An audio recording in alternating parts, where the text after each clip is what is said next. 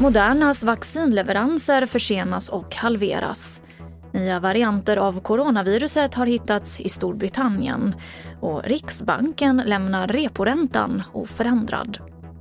TV4-nyheterna börjar med att vaccintillverkaren Modernas leveranser av vaccin till Sverige försenas med två veckor och halveras. Emma Spak är sjukvårdschef på SKR. Det är ju det, det här som är den stora utmaningen för regionerna, att man har ständigt förändrade leveransplaner och att det är med väldigt kort varsel som man får besked om att, att leveranser uteblir. Och det är klart att det här påverkar ju, det här påverkar ju möjligheten att, att hålla tempot i vaccinationerna. Två nya varianter av coronaviruset har hittats i Storbritannien. De ska ha en del likheter med de som upptäckts i Sydafrika och i Brasilien. Och en av dem klassas som oroväckande enligt den brittiska regeringens viruskommitté. Så här säger virusforskaren Matti Sellberg om varianterna.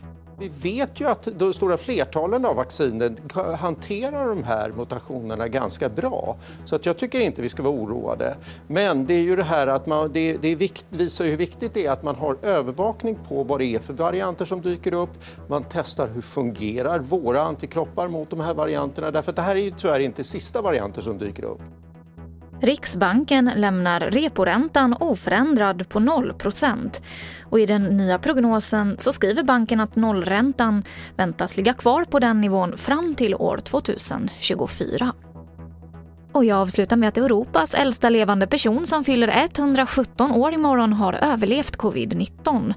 Hon är från Frankrike och föddes alltså den 11 februari år 1904. Hon hade inga symptom men hölls ändå isolerad.